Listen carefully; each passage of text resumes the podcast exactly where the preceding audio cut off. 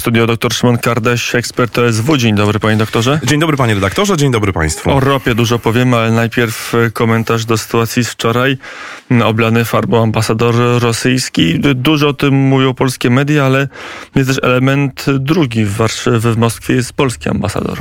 Tak i tak naprawdę musimy zawsze pamiętać o tym, że w momencie, gdy coś spotyka rosyjskich dyplomatów w państwach trzecich, jakieś incydenty, jakiś rodzaj e, no, naruszenia tego, co wynika z konwencji, konwencji, no to musimy się spodziewać, konwencji y, wiedeńskiej o stosunkach dyplomatycznych, to musimy się spodziewać tego, że Rosjanie udzielą odpowiedzi. To znaczy oni bardzo specyficznie rozumieją zasadę wzajemności, nie tylko jakby działanie w ramach tego, e, co wynika z prawa, tak, że nie wiem, jeden kraj ma prawo uznać za persona non grata, no i wtedy Rosja jakby odpowiada tym samym.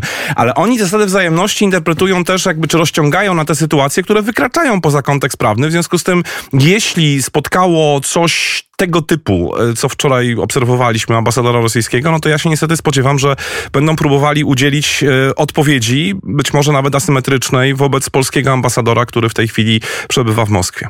Co zrobić z ambasadorem krajewskim? E, no tutaj jakby ja nie, nie, nie, chcę, nie chcę wchodzić w rolę doradcy, bo myślę, że tutaj właściwe instytucje będą, będą miały rozeznanie pełne i będą w stanie podjąć pełną decyzję.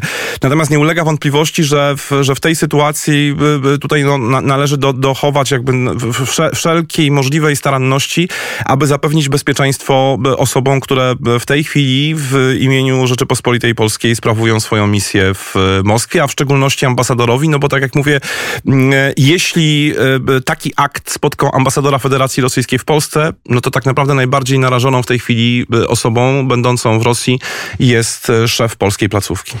Mm, mam nadzieję, że nic tam się nie stanie, że uda się albo ewakuować, albo zabezpieczyć polską ambasadę w Moskwie szósty pakiet sankcji powoli się wykuwa. Sygnał wczoraj, że być może jest zielone światło Węgier, a to taki główny kraj, który blokuje sankcje na ropę, że może będzie zgoda. Jaka może być ta zgoda? Co wiemy o tym szóstym pakiecie sankcji? E, ten szósty pakiet sankcji, właściwie propozycja przyjęcia szóstego pakietu sankcyjnego pojawiła się w, e, w już jakiś czas temu i e, jednym z najważniejszych elementów tego pakietu jest to, co dotyczy restrykcji na rosyjską ropę. I komisja, właściwie przewodnicząca Komisji Europejskiej Ursula von der Leyen zaproponowała tutaj bardzo ambitny plan. To znaczy plan polegający na tym, że w ciągu sześciu miesięcy cała Unia Europejska, czyli wszystkie kraje Unii Europejskiej, Europejskie miałyby przestać importować rosyjską ropę i po drugie do końca roku 2022 e, przestać importować e, produkty naftowe z Rosji. To jest bardzo ambitny plan. Znaczy on się wydaje ambitny jakby biorąc pod uwagę tą, tą wyjściową propozycję. E, I teraz oczywiście sama Ursula von der Leyen była świadoma tego, że to nie będzie łatwe, ona to zresztą powiedziała w swoim wystąpieniu. No i oczywiście pojawiają się schody, dlatego że mm, mówimy tutaj tutaj o y, no jednak dość dużym poziomie zależności państw członkowskich Unii Europejskiej od y, dostaw czy produktów naftowych, czy ropy y, z Rosji. Jeśli chodzi o ropę naftową, to są wolumeny na poziomie 103-105 milionów ton. To są, to są te liczby, które znamy za rok 2021. I w ciągu roku to ma zniknąć, ilości. jak rozumiem. Tak, i w ciągu roku miałoby to nawet szybciej, tak, bo w ciągu 6 miesięcy miałoby to zniknąć. I oczywiście schody pojawiły się w, w, w związku z tym, że no, nie wszystkie kraje członkowskie członkowskie Unii Europejskiej, a są takie, które są w bardzo dużym stopniu uzależnione od dostaw ropy z Rosji, są gotowe na realizację tak ambitnego harmonogramu, jaki zaproponowała Komisja Europejska i dlatego też e, negocjacje nad tym szóstym pakietem sankcji, one jak obserwujemy trwają dużo, dużo dłużej niż w przypadku poprzednich pakietów, które jednak od momentu zgłoszenia propozycji przez Komisję do momentu podjęcia formalnej decyzji, no jednak te, te okresy były krótsze, tak? A tym razem ponieważ rzecz dotyczy naprawdę bardzo newralgicznej sfery, no to obserwujemy już e, by, by, by tutaj no prawie tydzień, tak? Kto, kto będzie miał kłopoty? Węgierski MOL, jak rozumiem, miał kłopoty. Kto jeszcze? No właśnie węgierski MOL, i to jest ciekawe, bo z jednej strony Węgry są właśnie jednym z tych krajów, które domagają się mm, e, ustalenia takich okresów przejściowych na e, wprowadzanie tego embarga. Poznaliśmy pod koniec ubiegłego tygodnia mm, takie jakby szczegółowe informacje informacje, z których wynika, że Węgry domagały się nawet pięcioletniego okresu przejściowego. To jest bardzo długi czas, no, szczególnie jeśli zestawimy z tym ambitnym harmonogramem, który zaproponowała komisja. Sześć miesięcy. Właśnie. Co więcej, pojawiły się tutaj takie bardzo mocne sformułowania, że tak naprawdę e, wprowadzanie embarga na import surowców z Rosji to jest rodzaj bomby atomowej. Znaczy, Viktor Orban porównał to tutaj, użył takiego no bardzo mocnego mm, porównania. E, I, wiemy, że Węgry są jednym z tych takich e, krajów no, oponujących. Do tego dochodzą Czesi. Też sygnały były w mediach, że, że mm, domagały się takiego mm, okresu przejściowego na poziomie dwóch, trzech lat.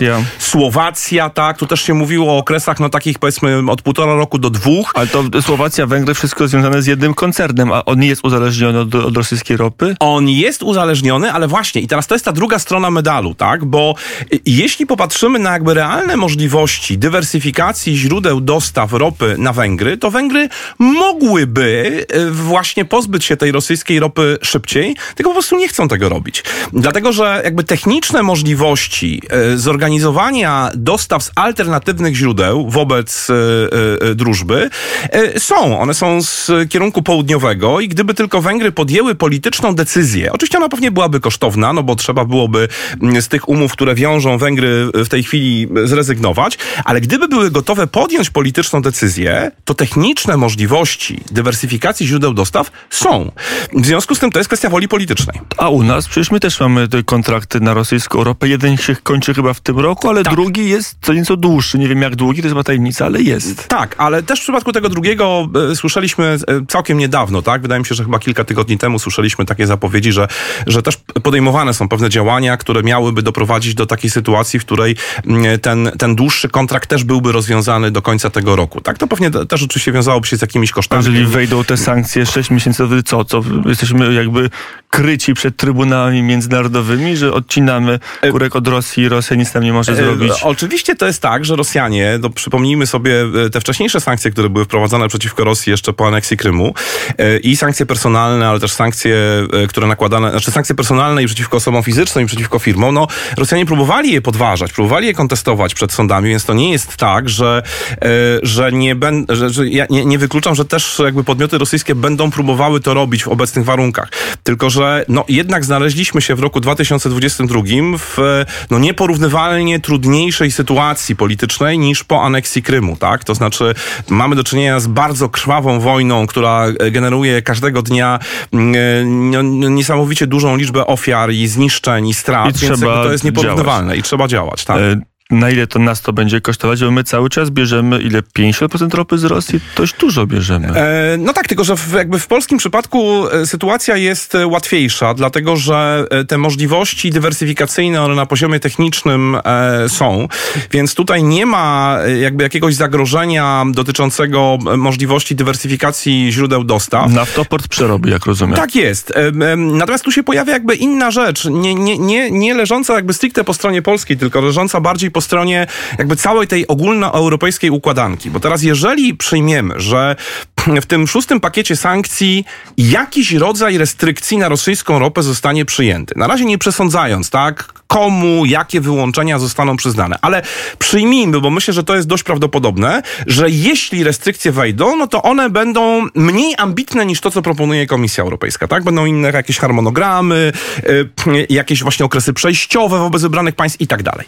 I teraz to, co będzie jakby poważnym problemem, to to, by mm, no, w jakiś sposób wyrównywać szanse między tymi państwami, które pójdą dalej od, i, i, szybciej, czyli zrezygnują z rosyjskiej ropy, która jest relatywnie tania, tak? Bo y, zwracam uwagę, że w tej chwili ten rosyjski Ural, jeśli weźmiemy pod uwagę ceny na przykład w porcie w Primorsku, to on jest sprzedawany po około 70 dolarów, czyli 40 dolarów niżej niż Brent, tak? W Rotterdamie to jest trochę wyżej, tam jest kilka dolarów wyżej, na Drużbie to jest też tam w okolicach, nie wiem, 88, 89, ale... I z tej są... przeceny ktoś korzysta Indie na przykład. Oczywiście. I teraz tu, się, tu jest pies pogrzebany, to znaczy, żeby nie doprowadzić do takiej sytuacji, gdzie część krajów idzie według tego ambitnego harmonogramu, tak jak na przykład Polska, A i w związku z tym biorą sobie Dokładnie. ropę tańszą od 40 dolarów. A zostają kraje, które kupują sobie nadal rosyjską ropę po niższych cenach, przerabiają ją w swoich rafineriach i w związku z tym mogą zarabiać e, większe pieniądze, e, ustalać, znaczy jakby przechwytywać większą marżę, jeśli idzie o potem sprzedaż produktów naftowych i tak dalej, zalewać tymi tańszymi produktami naftowymi. Też ten rynek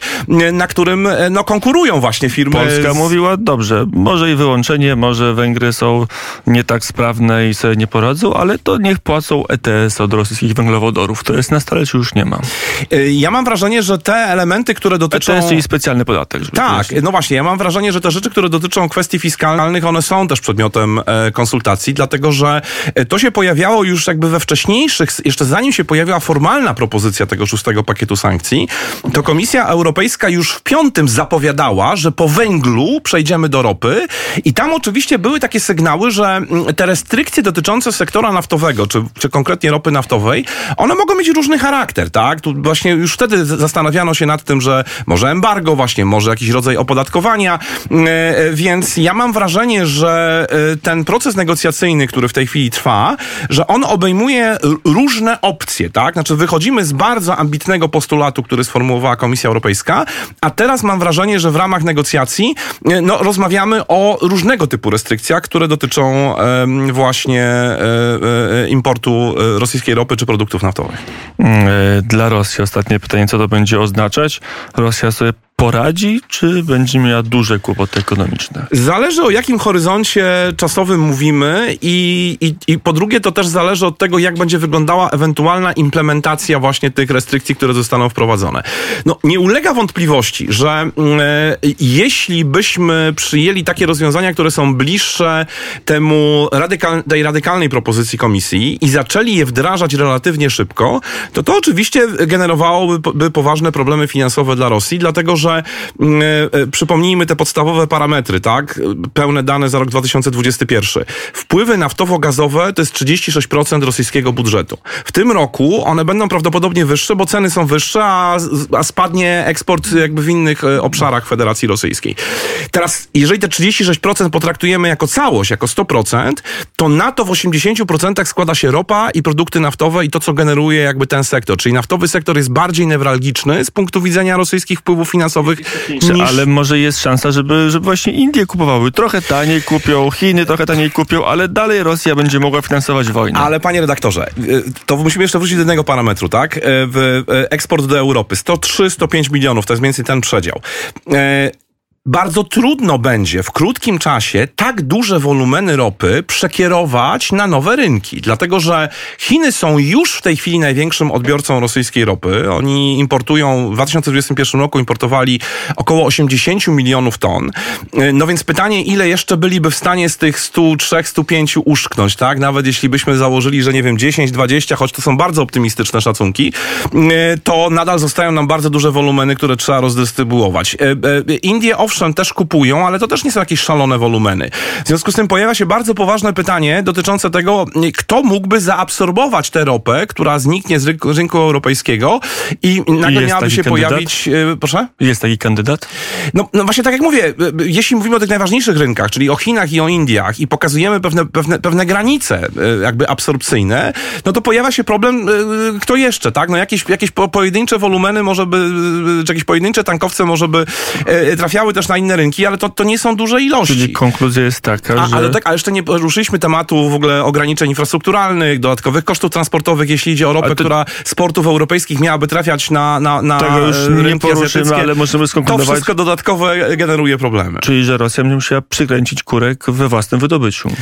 E, najprawdopodobniej tak i zresztą prognozy Międzynarodowej Agencji Energetycznej jeszcze z marca były takie, że jeśli rzeczywiście doszłoby do poważniejszego ograniczenia e, popytu popytu na rosyjską e, ropę, e, to mogłoby dojść do ograniczenia produkcji na poziomie 3 milionów baryłek dziennie, a przed wojną Rosja produkowała 11 milionów baryłek dziennie i jeszcze jedną, tutaj podam taką, e, taką liczbę dla ilustracji. Nawet w najgorszym momencie covidowym Rosjanie produkowali więcej niż to, co w tej chwili prognozuje Międzynarodowa Agencja Energetyczna jako możliwy spadek produkcji w związku z brakiem zainteresowania mm, rosyjską Czyli ropą. szósty pakiet sankcji może oczywiście ma sens i będzie e, tą bronią atomową. To, że w ogóle rozmawiamy o e, embargu na rosyjskie surowce energetyczne, to już jest pewien przewrót kopernikański jakby w dyskusji, która się toczy w ramach Unii Europejskiej. Doktor Szymon Kardaś, ekspert Ośrodka Studiów Wschodnich, był gościem Radia Wnet. Dziękuję bardzo. Dziękuję bardzo.